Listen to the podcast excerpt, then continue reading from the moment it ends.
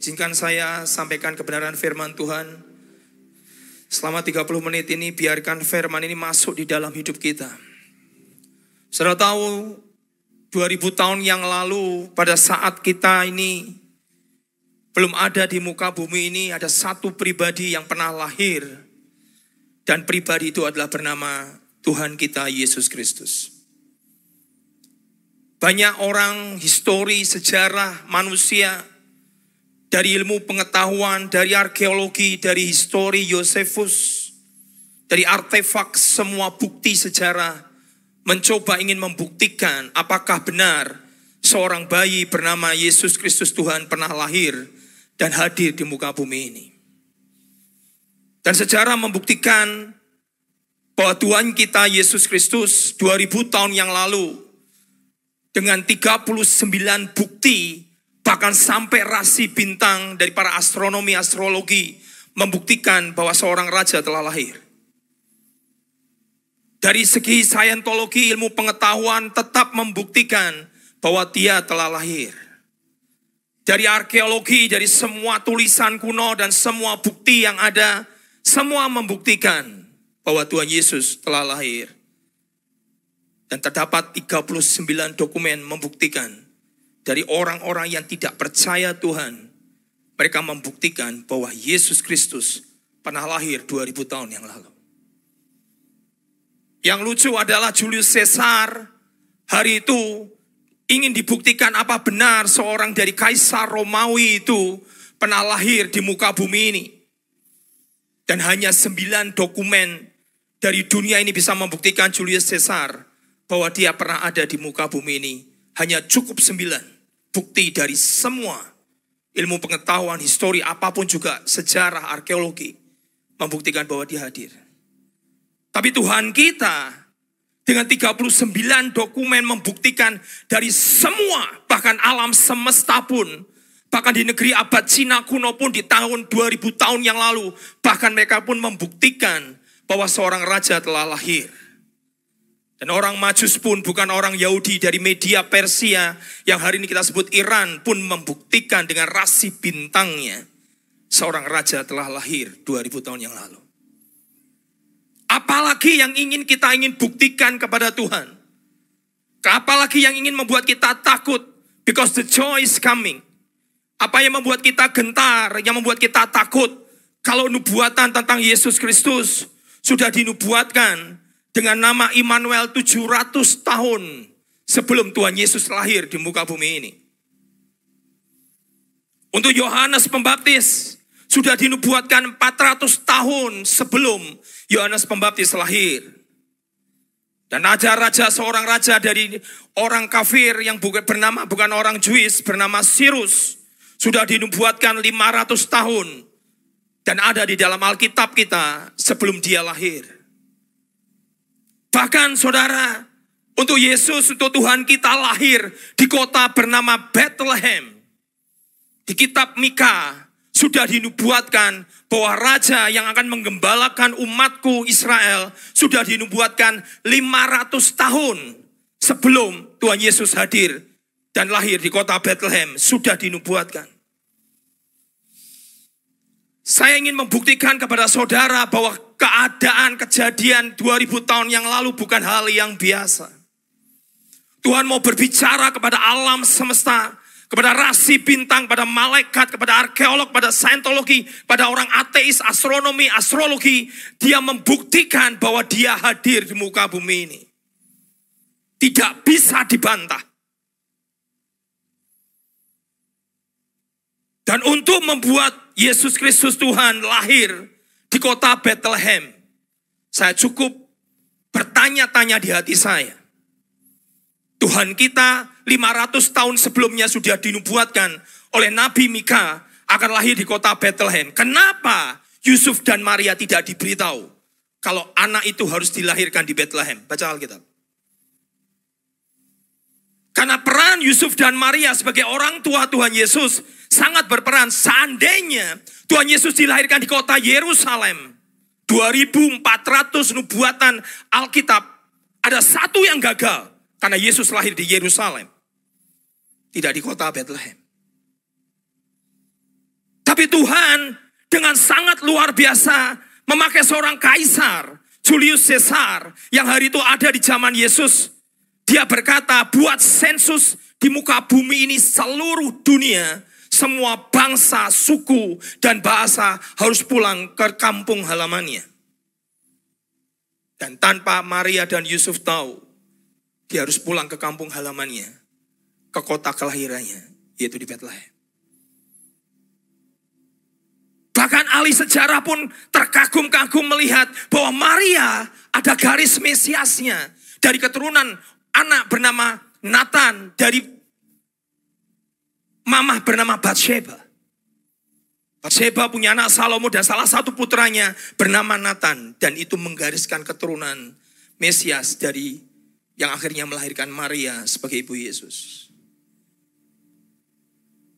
Tapi dari pihak Yusuf yang sebagai orang tua jasmani Tuhan Yesus walaupun benihnya tidak pernah hadir dalam kandungan Maria. Dia harus dikenal sebagai keturunan Raja Daud. Dia melahirkan dari keturunan Salomo melahirkan Mesias. Dan lahirlah putra bernama Yusuf sebagai orang tua Tuhan Yesus.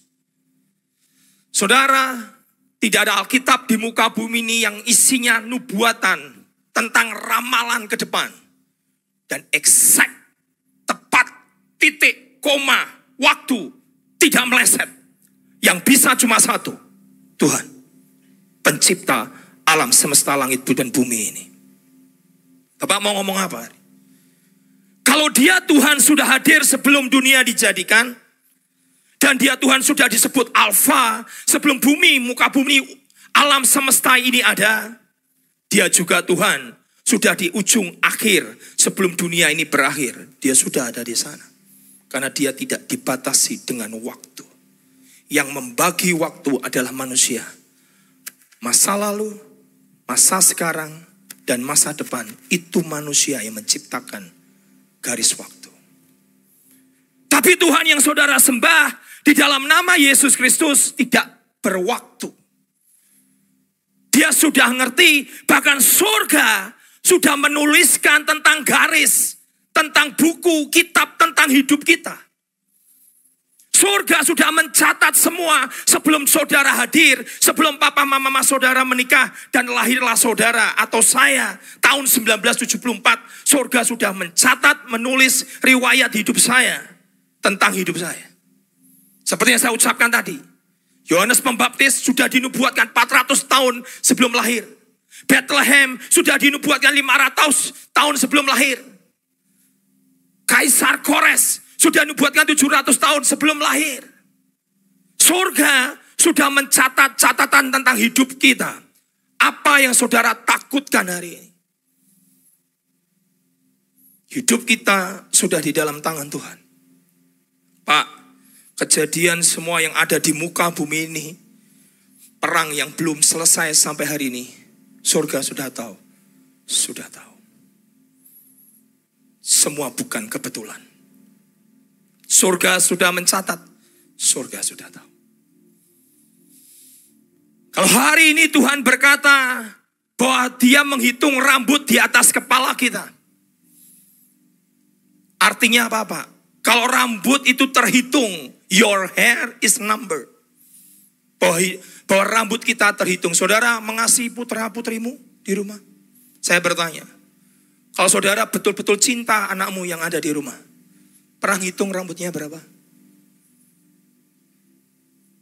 Sedetil itukah saudara mencintai anakmu? Saudara saya dengarkan baik-baik. Dia disebut sebagai Bapak. Bahkan rambut di atas kepala kita pun terhitung. Sekecil itu, setidak berarti itu, dia menghitung. Apalagi engkau lahir di kota apa? tanggal berapa, jam berapa, kau menikah dengan siapa. Dia sudah tahu. Sedetil itu, dia tahu hidup kita. Apa yang kau takutkan lagi? Di malam Natal 2000 tahun yang lalu, apakah Tuhan tidak tahu bahwa bayi itu akan disembelih?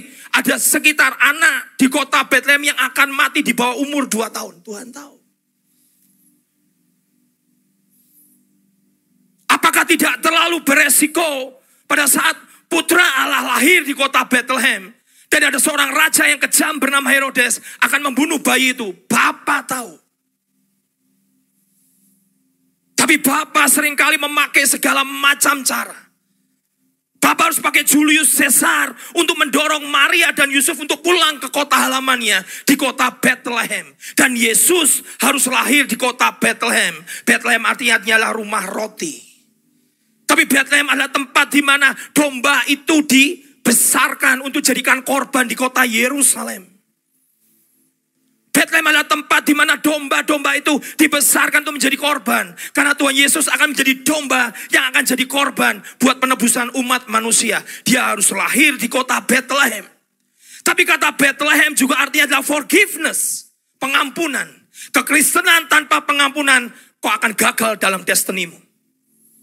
Kekristenan tanpa engkau mengampuni masa lalumu, mengampuni orang-orang yang bersalah dalam hidupmu, setiap masa depan destiny yang sudah surga tulis akan gagal pada saat kita tidak hidup dalam pengampunan dalam hidup kita. Kepada siapa pun, termasuk orang yang paling menyakiti kita.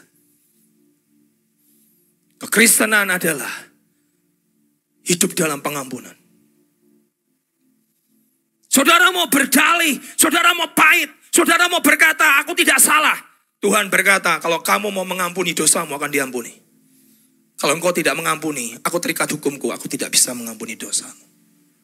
Dan hari itu putra Allah harus lahir di kota Bethlehem. Karena Tuhan berkata, arti kata Bethlehem juga artinya pengampunan, tapi juga artinya adalah komplit. Kekristenan kita tidak akan sempurna, tidak akan bisa sampai tamat, tuntas, dan selesai kalau kita tidak hidup dalam pengampunan. Tapi hari ini saya mau beritahu kepada saudara semua, 2000 tahun yang lalu anak putra Allah lahir di muka bumi. Suatu kali saya dengar sebuah cerita yang menarik sekali pada saat perang dunia kedua antara Amerika dengan Jerman hari itu. Dan hari itu pesawat kapal selam, kapal selam dari Jerman sedang hunting pesawat kapal induk dari Amerika. Karena itu di Samudra Atlantik tidak ada daratan di sana, semuanya air.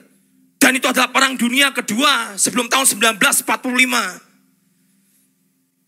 Kapal selam Jerman mencari target kapal induk Amerika untuk dihancurkan supaya pesawat-pesawat terbang dari Amerika tidak bisa mendarat.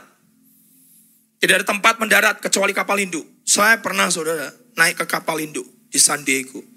Besarnya luar biasa bisa menampung hampir 100 pesawat tempur.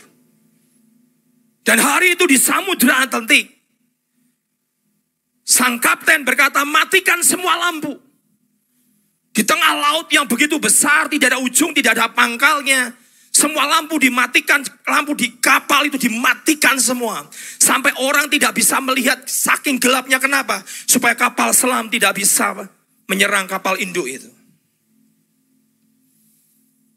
Tapi tiba-tiba ada satu pesawat yang sudah mau kehabisan bahan bakar. Dan dia cari tempat bagaimana aku bisa mendarat di tengah samudera yang begitu besar. Dan dari kokpit terdengar suara. Semua lampu memang sengaja dimatikan supaya tidak tertembak oleh pesawat, oleh kapal selam daripada Jerman. Kami beresiko untuk menyalakan lampu. Tapi tiba-tiba sang kapten, tiba-tiba sang kapten kapal membuat keputusan yang sangat berani. Dia meresikokan kapal induk yang isinya pesawat tempur, semua nak, nakoda, semua orang-orang tentara yang ada di dalam kapal induk itu diresikokan dengan satu tiba-tiba satu perintah dari kapten kapal itu berkata, nyalakan lampu. Kalau tidak itu mati pesawat tempur kita hanya satu orang itu akan mati nyalakan saudara. Dan pesawat tempur itu bisa melihat di mana kapal induk itu berada. Dan dia mendarat. 2000 tahun yang lalu kegelapan menutupi bumi. Orang menyembah sesuai dengan kemauannya. Orang menyembah sesuai dengan keinginannya. Orang hidup dengan kebenarannya sendiri. 2000 tahun yang lalu terkenal dengan namanya pagan. Orang dengan banyak namanya dewa. Tiba-tiba hari itu Bapak di surga membuat sebuah keputusan yang besar. dan berkata, nyalakan lampu bumi yang begitu gelap. Harus lahir seorang putra yang akan menyelamatkan umat manusia. Saudara tahu, apakah Bapak tidak tahu bahwa Yesus akan dihabisi, dicambuk 39, dipaku, ditolak oleh umatnya? Bapak tahu. Apakah Bapak tidak tahu pada saat Tuhan Yesus hadir di muka bumi ini akan ditolak? Akan dianggap sebagai anak haram. Akan ditolak oleh kandungan saudara kandungnya sendiri. Ditolak di Nazaret. Bahkan umat imam agama orang Yahudi pun akan menolak dia. Bahkan mati dipaku di atas kayu salib. Bapak tahu. Saudara, dengarkan baik-baik. Ada satu perkataan yang membuat saya kagum dengan Tuhan.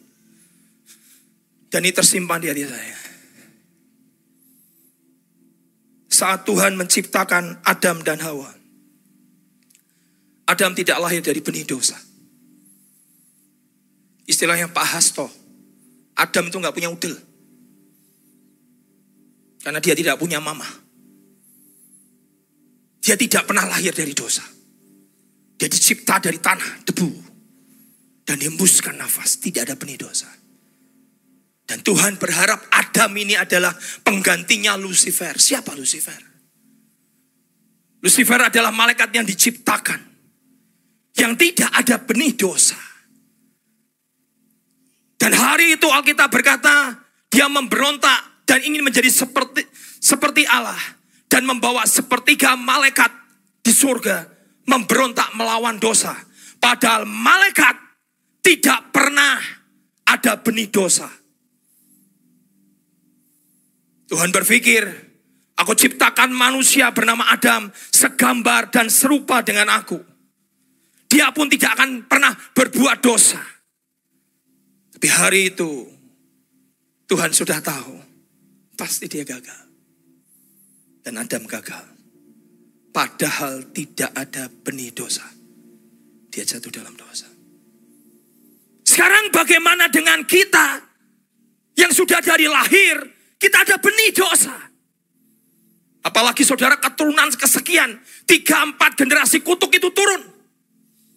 Berkat turun seribu generasi, tapi kutuk turun tiga empat generasi. Bagaimana dengan generasiku yang ke seratus kesekian, Bukankah benih itu turun, turun, dan turun, dan turun. Dan benih dosa itu sudah tertanam di dalam DNA kita. Kalau malaikat gagal, yang tidak ada benih dosa, sepertiga memberontak melawan Tuhan. Bagaimana dengan kita? Kalau Adam gagal sebagai nenek moyang kita yang pertama, bagaimana dengan the fallen nature? Ciptaan yang sudah gagal dan jatuh ini. Saudara, Tuhan mengeluarkan Israel dari Mesir. Dia memakai dengan tangan yang kuat. Dia jungkir balikan Mesir dengan sepuluh tulah. Dia belah laut dan Israel keluar. Dan selama 40 tahun Tuhan mencoba mengeluarkan Mesir di dalam hati orang Israel. Sepertinya gagal. Sifat Mesir, sifat dunia, sifat manusia, dosa benih dosa itu tetap ada dalam hidup kita. Di Gunung Sinai Tuhan berikan 10 perintah Allah. Dan Tuhan mau berkata, dengan Tauratku ada 614 mitsof atau peraturan, mereka akan hidup kudus bagi milikku. Sepertinya juga gagal. Bahkan Alkitab saya mencatat bahwa kuasa dosa adalah hukum Taurat. 1 Korintus 15 ayat 6. Sengat maut adalah dosa dan kuasa dosa adalah hukum Taurat. Kalau Tuhan tahu bahwa manusia tidak bisa melakukan hukum Taurat, kenapa dia ciptakan Taurat? Karena Taurat membuat manusia mengenal dosa. Hari itu manusia hidup merasa dirinya baik-baik, padahal mereka hidup dalam kegelapan dan di dalam dosa. Taurat membuat manusia kenal namanya dosa. Bukan orang yang sehat yang butuh dokter, kata Tuhan Yesus. Tapi orang yang sakit yang butuh dokter. Tuhan Yesus berkata, aku datang bukan mencari orang benar. Aku datang untuk mencari orang berdosa. Hukum Taurat diberikan supaya saudara sadar bahwa kita ini orang berdosa dan kita butuh Tuhan. Tapi sepertinya gagal. Dan tiba-tiba buka satu ayat Roma 1 ayat 16. The joy is coming. Ada pengharapan, Pak. Malaikat gagal, Adam gagal. Tidak punya benih dosa. Bagaimana dengan kita? Lihat baik-baik. Ini yang membuat saya bersuka The joy is coming. Roma 1 ayat 16. Alkitab berkata, sebab aku mempunyai keyakinan yang kokoh. Rasul besar yang pernah menyebarkan Injil sampai ke ujung bumi. Sampai tiga perempat Alkitab beliau tulis bernama Paulus. Padahal tidak ada medsos, tidak ada internet, tidak ada TV, tidak ada pesawat terbang. Dia bisa bawa Injil sampai ke seluruh bangsa-bangsa. Itu karena rasul bernama Paulus, mantan penganiaya dan pembunuh. Hari itu dia menulis satu firman berkata, sebab aku mempunyai keyakinan yang kokoh di dalam apa? Di dalam Injil. Injil itu apa Pak? Dengarkan Bapak.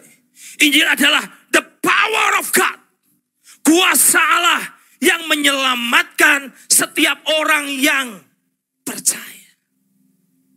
Injil yang saudara pegang, Injil yang saudara yakini, Injil yang saudara percayai adalah the power kuasa Tuhan untuk menyelamatkan kita. Dan tahun 2000 tahun yang lalu Injil itu turun dalam bentuk manusia. Dan Alkitab berkata barang siapa percaya kepadaku, dia akan diselamatkan Bukan lagi karena kekuatan manusia, tapi dari pihak Tuhan akan ada sebuah power, kuasa Tuhan, Injil yang akan mengubah the fallen nature. Manusia yang pernah jatuh dalam dosa ini. Kekuatan Injil yang mengubah saudara. Kekuatan Injil yang akan membawa kita sampai di sorga. Bisakah kau percaya bahwa ada satu kuasa yang jauh lebih besar, kuasa jauh yang lebih besar daripada pada saat Tuhan menciptakan langit dan bumi. Kuasa yang lebih besar dari, daripada pada saat Tuhan membelah laut merah. Kuasa yang lebih besar daripada pada saat Tuhan menciptakan malaikat, menciptakan alam semesta. Ada kuasa jauh yang lebih besar. Lihat Efesus. Apa betul Pak? Efesus 1.19. Dan betapa hebatnya kuasanya Kuasa itu jauh melebihi dari semua ciptaan manusia. Kita ini lebih berharga dari semua makhluk ciptaan Tuhan. Kita ini paling berharga di antara semua ciptaan manusia. Bahkan lebih berharga daripada malaikat, dari tanaman, dari alam semesta, dari makhluk surga. Kita adalah ciptaan yang paling berharga. Dan firman berkata Efesus 1:19, betapa hebat kuasanya, exceedingly lebih hebat kuasanya bagi kita yang percaya. Cuma percaya, Pak. Yes. Saudara, saya waktu dengar, Pak, lebih hebat kuasa menciptakan malaikat, lebih hebat kuasa menciptakan alam semesta, lebih hebat dari kuasa menciptakan langit dan bumi. Ada kuasa yang jauh lebih hebat. Kuasa apa itu? Kuasa yang pernah membangkitkan Yesus dari kematian. Dan Alkitab berkata, berkata, kuasa itu tinggal di dalam dirimu. Pribadi itu hadir di sini. Sudah nggak bisa excuse. Itu melebihi kuasa penciptaan. Satu ayat terakhir. Itu saya keluar 5 menit. 2 Petrus 1 ayat 3. Saya waktu renungkan Tuhan. Yang kau beri dalam hidup kita. Itu jauh lebih besar. Daripada Tuhan pernah mencungkir balikan Mesir dengan 10 tulah jauh lebih besar daripada Tuhan pernah membelah laut merah. Yes. Jauh lebih besar daripada Tuhan pernah menurunkan makanan malaikat turun setiap pagi mana dari langit. Ya. Jauh lebih besar tiang awan dan tiang api. Yes. Karena Alkitab berkata kuasa itu yang kuasa yang pernah membangkitkan Yesus dari kematian. Sekarang hidup dan tinggal di dalam dirimu. Dan itu adalah pribadi Allah sendiri bernama Roh Kudus. 2 Petrus 1 ayat 3 berkata, karena kuasa ilahinya. Dalam bahasa Inggrisnya berkata, His divine power. Ada kuasa ilahinya yang telah menganugerahkan kita segala sesuatu yang berguna untuk hidup yang saleh. Saya terjemahkan berkata, kuasa ilahinya has given us, telah diberikan kepada kita everything we need semua yang kita butuhkan ada kuasanya di sini. Semua yang kita butuh, everything we need to experience life. Untuk menjalani hidup. Dan kita berkata apa? And to reflect. Dan untuk menyatakan the God's true nature. Menyatakan manusia ilahi. Saudara dengarkan baik-baik. Kekristenan bukan hanya sekedar masuk surga tapi kekristenan adalah saudara dirubah menjadi serupa dengan Kristus. Dan itu butuh namanya divine power. Divine power. Kuasa ilahi masuk di sini mengubah manusia yang pernah jatuh, the fallen nature manusia yang pernah jatuh ini, DNA yang pernah ada benih pemberontakan dari Adam ini diubah dengan kuasa jauh yang lebih besar daripada langit mencipta langit, bumi dan semuanya itu masuk dalam hidup kita dan kita berubah menjadi serupa dengan Kristus. Masihkah engkau takut? The joy is coming. Saya renungkan berminggu-minggu. Dia mengubah kita from glory to glory. Adam yang tidak ada benih dosa jatuh. Malaikat yang tidak ada benih dosa jatuh. Kita sudah dari sononya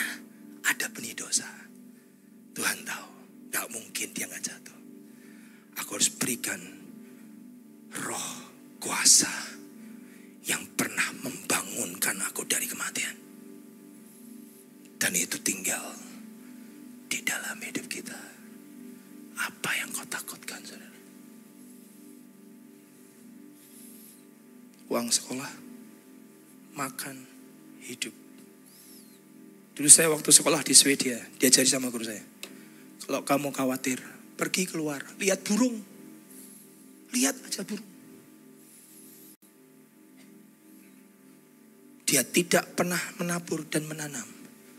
Tapi dipelihara Bapamu di surga. Kau takut dengan apa yang kau pakai. Lihat bunga bakung. Pagi mekar. Siang kena matahari layu. Didandani oleh Bapamu di surga. Apalagi engkau lebih bernilai. Kalau engkau mencintai anakmu, engkau nggak pernah hitung rambut anakmu. Bapamu tahu sedetail apa pun, kecil apa pun persoalan dari dirimu, Bapak tahu. Apakah dia tidak akan menjaga dan menopang saudara dengan the divine power. Kuasanya yang kita Petrus berkata untuk menjalani hidup dan hidup di dalam kesalahan. Dia berikan itu ada dalam hidup kita. Siapa bersyukur? Kita menyembah Tuhan yang dahsyat. Injil adalah the power. 2000 tahun yang lalu. Injil menggegerkan seluruh antereo planet bumi. Pada saat dia lahir. Semua gelap sirna. Karena Injil bernama Yesus Kristus muncul. Dan sekarang dia sudah ada di dalam hati kita. Dan kita berkata Tuhan the greatest power. Kuasa dia bukan cuma zat, tapi pribadi yang namanya Roh Kudus yang pernah membangkitkan dari kematian itu sudah tinggal di dalam hidup kita. Lukas 2 ayat 10 dan ayat yang ke-11. Lukas 2 ayat 10 dan ayat ke-11. Lalu kata malaikat itu kepada mereka, jangan takut. Sebab sesungguhnya aku memberitakan kepadamu kesukaan besar untuk seluruh bangsa. Hari ini telah lahir bagimu juru selamat, yaitu Kristus Tuhan di kota Daud. Perkataan pertama ketika malaikat datang menjumpai para gembala adalah, jangan takut. Kenapa saudara kok jangan takut? Sebab hari itu memang para gembala sangat kaget dan takut. Sebab tiba-tiba muncul malaikat yang gak pernah mereka lihat. Dan hari itu ada satu kor surgawi yang sangat besar. Yang menggentarkan mereka. Tapi malaikat berkata satu perkataan, jangan takut. Saudara kenapa mesti kata ini yang muncul pertama-tama jangan takut. Sebab manusia yang pertama itu pernah mengalami dalam hidup mereka. Ketika mereka dahulu tinggal bersama dengan Tuhan, semuanya baik di Taman Eden. Sampai satu kali mereka berdosa karena makan buah pengetahuan yang baik dan yang jahat. Dan sejak hari itu, ketakutan masuk dalam hidup mereka. Sebelumnya, setiap hari ketika Tuhan datang ke Taman Eden, Tuhan berjalan di taman itu merupakan saat yang paling menyenangkan buat semua manusia. Buat Adam dan Hawa pada hari itu sangat menyenangkan. Karena mereka berjumpa dengan Tuhan. Bisa bicara, bisa ngobrol. Tapi ketika dosa masuk karena mereka tidak taat pada Tuhan. Mereka makan buah itu. Kehadiran Tuhan bukan lagi jadi hal yang menyenangkan saudara. Tapi jadi hal yang menakutkan. Dan mereka berdua bersembunyi. Dan Tuhan bertanya, mengapa kau bersembunyi? Aku takut. Karena aku ini telanjang. Sejak hari itulah saudara manusia itu takut. Dan sejak itu mereka berpisah dengan Tuhan. Tapi ketika Tuhan datang kembali, Tuhan yang datang kembali. Dia pengen potong satu penggal kehidupan secara manusia. Dan hari itu kembali Tuhan yang turun ke dunia. Dan dia berjalan di dunia ini. Bukan di Eden lagi tapi dia berjalan dalam dunia ini. Dia turun dan perkataan pertama yang diucapkan buat manusia yang ketakutan adalah jangan takut. Jangan takut. Dan hari itulah Tuhan ingin mengadakan pendamaian dan mengangkat semua rasa takut dalam hidup manusia. Ketakutan sejak manusia berdosa sangat banyak. Hari ini kita semua punya rasa itu saudara. Rasa takut. Tapi kita bersyukur ada Tuhan yang akan menolong kita. Mengatasi semua ketakutan kita. Amin. Sebab ada roh kudusnya yang menyertai kita. Yang membuat semua ketakutan kita lenyap. Takutnya masih ada. Tapi ada kekuatan yang jauh lebih besar dari ketakutan. Yaitu kuasa Tuhan.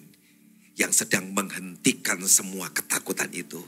Dan menjadikan kita orang yang punya confidence, keyakinan di dalam Tuhan manusia ketika Tuhan datang.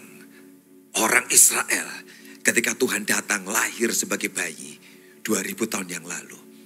Sedang tidak baik-baik keadaannya. Sedang sukar keadaannya.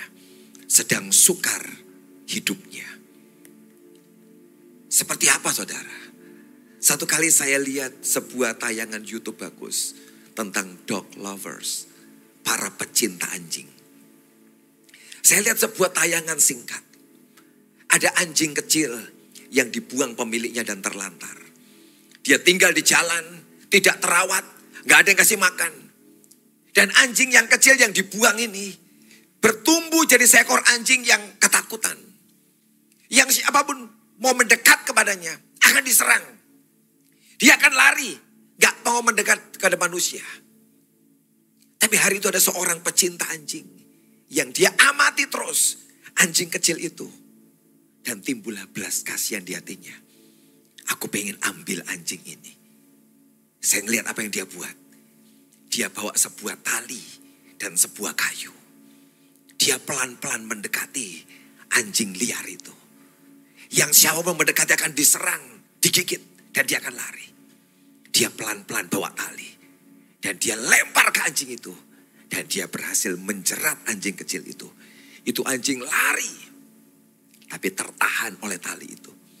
Dan orang ini coba mendekati. Tapi anjing ini menyerang dia. Sebab memang dia mungkin berbulan-bulan. Atau mungkin sekian waktu terlantar. Dan diperlakukan dengan tidak baik. Dan dia menyerang siapa pun juga. Bahkan yang mau berbuat baik. Tapi ini pecinta anjing yang hebat saya lihat. Dengan sangat lembut dia pelan-pelan menenangkan anjing itu. Dan dia bawa makanan di tangannya. Dia kasihkan. Dan dia bicara dengan sangat pelan. Tenang, tenang. Dan dia ulurkan tangannya. Dan tiba-tiba anjing yang mau gigit dia. Yang sangat agresif. Berubah menjadi tenang. Dan dia mau makan makanan di tangan orang itu. Kemudian ketika mulai tenang, dia ambil selimut, dia bungkus anjing itu. Dan dia gendong. Dan dia bawa pulang. Dimandikan, dibersihkan, diberi makan. Dan anjing itu tinggal dengan orang itu. Saya ngeliat videonya. Jadi anjing yang tenang, yang baik, yang berbahagia. Saudara, Natal itu seperti itu loh saudara. Ada orang-orang yang liar. Ada orang-orang yang tidak diinginkan, yang diusir, dibuang, disingkirkan. Dan apa yang terjadi? Kita tertolak dan menjadi orang yang ganas. Apa pun dan siapa pun yang mendekat pada kita, akan kita serang balik. Tapi ada sebuah tangan yang penuh dengan cinta. Yang dia ulurkan dan berkata, jangan takut. Jangan takut. Untuk apa saudara? Supaya kita semua ini tenang. Amin. Jangan takut, jangan takut. Dan dialah yang membebat kita, menggendong kita. Dan dia bawa kita tinggal bersama dengan dia. Supaya kita menjadi milik kesayangannya yang dicintai. Dia mandikan anjing itu. Dia grooming, dia gunting bulunya. Dan berubah dari anjing jalanan menjadi anjing yang dicintai. Itulah kita saudara. Amin. Biar kita tahu diri hari ini. Kita ini cuman anjing liar yang tidak ada yang menginginkan kita. Tapi ada satu pecinta anjing liar ini yang mau mengambil kita dengan satu perkataan. Jangan takut. Jangan takut. Jangan takut. Dan sejak hari itu, manusia diberikan ketenangan, kedamaian di dalam hatinya. Jangan takut. Bukan cuma itu. Aku memberikan sebuah kabar baik kepada kamu. Jangan takut sebab ada kabar baik. Kabar baik. Saudara hari ini ada banyak kabar buruk yang kita dengar. Koran disebut news. Tapi bukan good news saudara. Tapi Injil itu good news, berita baik. Sebab di koran yang sedang kita baca, di berita yang sedang kita baca ada begitu banyak kabar buruk. Ada banyak kabar bencana, kabar kecelakaan, kabar kematian. Ada begitu banyak kabar buruk yang diberitakan. Semakin buruk beritanya, semakin orang penasaran mencari berita itu saudara. Tapi buat orang-orang Kristen kita bersyukur. Sebab surga sedang memberikan sebuah good news. Amin. Sebuah kabar baik buat saudara Kapan kabar baiknya? Hari ini. Alkitab berkata, telah lahir bagimu seorang juru selamat di Bethlehem. Amin. Berita yang sama masih berlaku buat kita hari ini. Good news adalah apa? Hari ini. Amin. Hari ini saudara, akan datang kabar-kabar baik dalam hidup saudara. Amin. Akan datang kabar baik dalam hidup pada Natal tahun ini. Semua ketakutanmu, semua persoalanmu, tantangan hidupmu. Hari ini, kabar baiknya datang. Savior penyelamat itu akan menyelesaikan semua dengan cara yang ajaib. Kalau engkau percaya kepada dia. Amin. Dia tidak tunggu minggu depan. Tahun depan. Tidak perlu. Today. Hari ini. Telah lahir bagimu. Seorang juru selamat. Bukan cuma mati di kayu salib. Selesai tidak. Tapi sampai hari ini. Juru selamat itu masih bekerja. Buat saudara dan buat saya. Amin. Dia mau selamatkan pekerjaanmu dan bisnismu. Dia mau selamatkan keluargamu. Dia mau selamatkan nyawamu. Dia selamatkan kesehatanmu. Apalagi yang perlu diselamatkan hari ini. Dia datang sebagai savior, juru selamat. Membuat semua yang hampir mati dan hampir hancur akan dia pegang dengan tangannya dan dia selamatkan semua. Amin.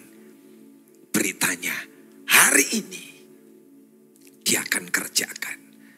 Saya percaya hari ini Tuhan akan membuat keajaiban dan mujizat buat orang-orang yang percaya kepadanya. Amin. Sebab Natal bukan sekedar sebuah perayaan. Tapi hari ini sebuah bukti dari Tuhan. Dia sanggup mengerjakan perbuatan-perbuatan ajaib. Amin. Hari ini Savior, Juru Selamat itu.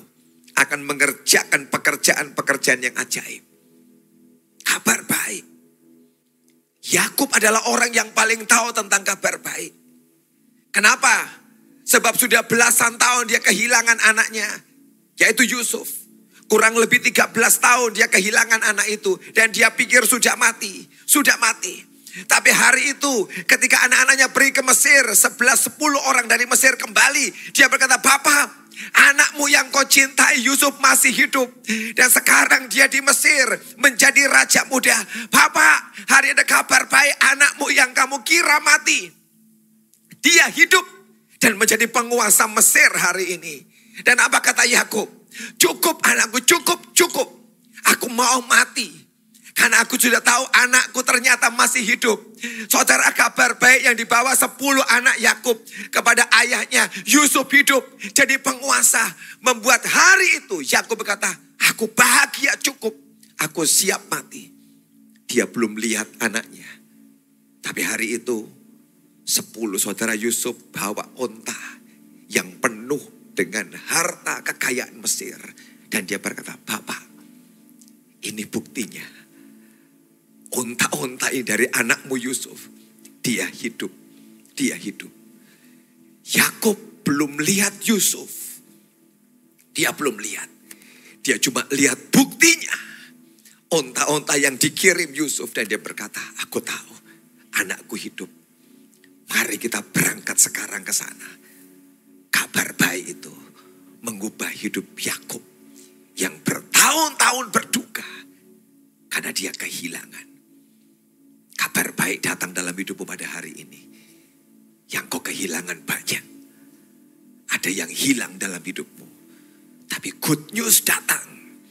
Engkau yang harusnya dihukum dengan api neraka. Diubah. Hari ini kita belum melihat surga tapi dia memberikan sign dan tandanya. Dia berikan roh kudusnya dalam hidupan kita. Amin. Dia berikan damai sejahteranya. Dia berikan keselamatannya. Sampai satu kali nanti. Kita akan berjumpa dengan Tuhan kita. Di dalam kerajaannya. Jangan takut.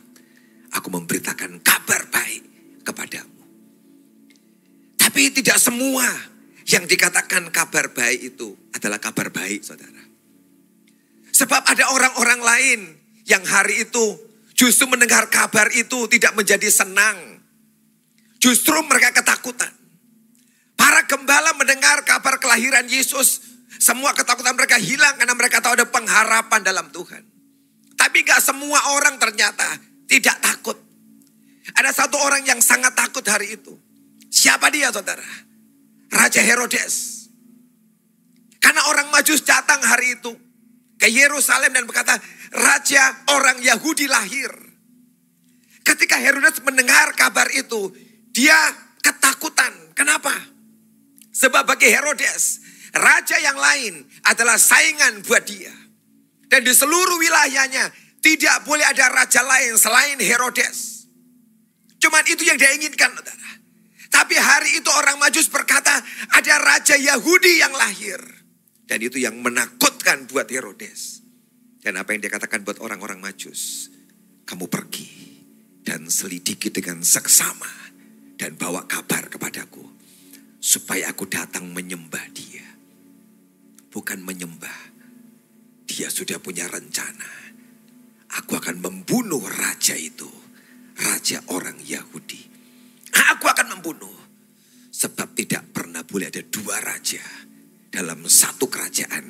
Harus mati. Saudara hari ini Herodes sudah gak ada. Dan dia kalah, dia gagal hari itu. Tapi hari ini spiritnya masih ada saudara. Kita semua ini adalah raja atas hidup kita. Engkau yang ngomong, aku yang ngatur hidupku. Aku yang atur nasibku. Aku yang buat ini semua karena kemauanku. Engkau gak menyadari mungkin saudara. Tapi engkau sering kali menjadi raja buat hidupmu saudara. Tapi apakah engkau mau Natal tahun ini? Ketika ada raja lain yang lahir yaitu Yesus Kristus. Maukah engkau tunduk menyembah? Seperti lagu tadi, fall on your knee. Aku tunduk tersungkur dengan lututku untuk menyembah raja yang baru lahir hari ini engkau mau menaklukkan dirimu sebagai raja ini?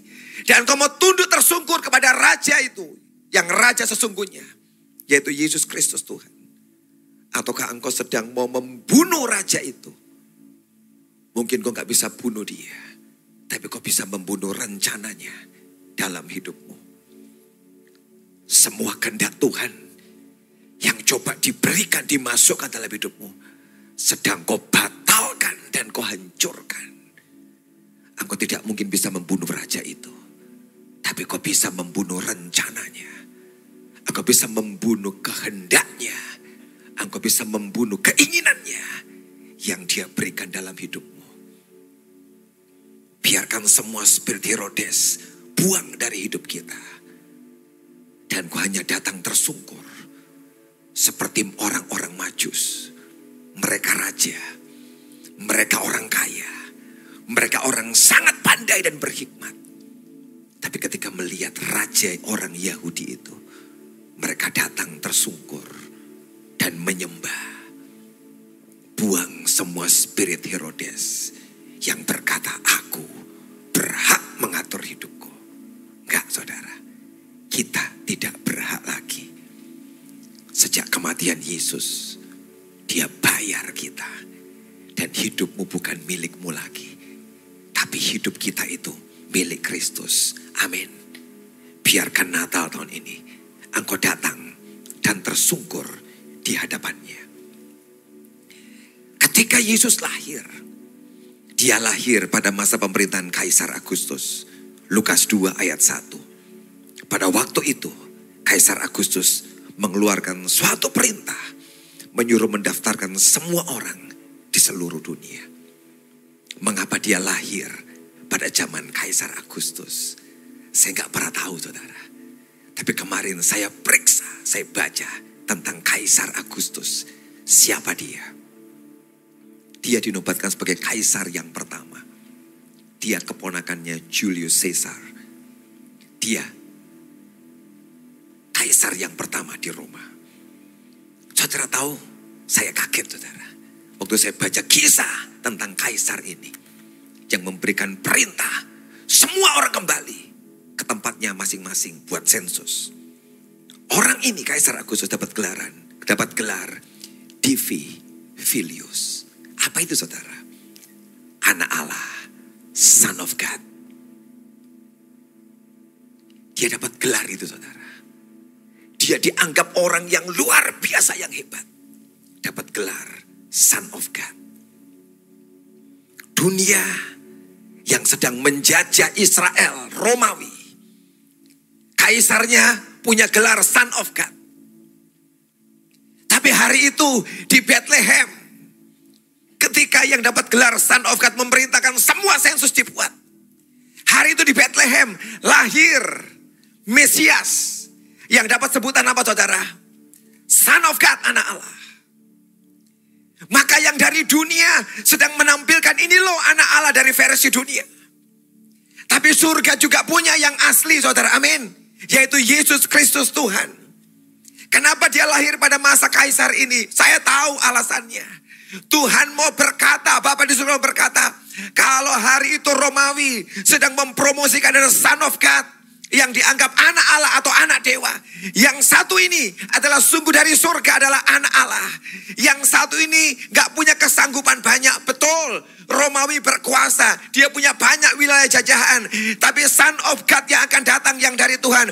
Akan membebaskan orang-orang Israel. Dan semua manusia, amin. Dari semua perbudakan dosa. Dan dari semua penjajahan. Kaisar Agustus tidak bisa membebaskan manusia. Tapi Son of God yang dari Tuhan, dia anak Allah.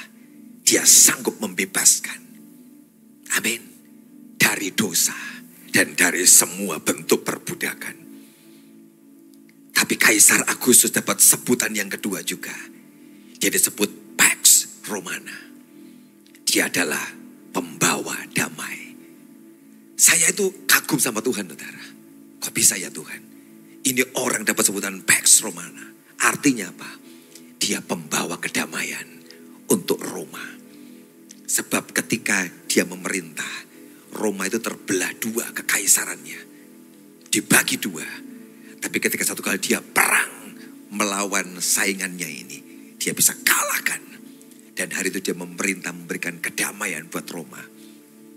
200 tahun Pax Romana menguasai Roma dan tidak ada perpecahan di Roma karena Kaisar Agustus. Tapi surga mengirim anaknya, the Prince of Peace. Amin. Raja damai. Kalau Kaisar Agustus cuma bisa menenangkan Roma. Tapi ada satu lagi Prince of Peace, amin. Yang sedang menenangkan bukan cuma Roma, tapi dunia ini, amin. Ada Raja Damai yang bukan cuma menenangkan dunia, menenangkan setiap manusia. Saudara dan saya akan ditenangkan oleh Tuhan dengan shalomnya. Dengan kelahirannya di dunia ini. Dia mau berkata, aku sedang membawa damai ke dunia ini. Supaya dunia yang ketakutan, dunia yang kacau ditenangkan. Sebab hari ini dia datang sebagai Prince of Peace.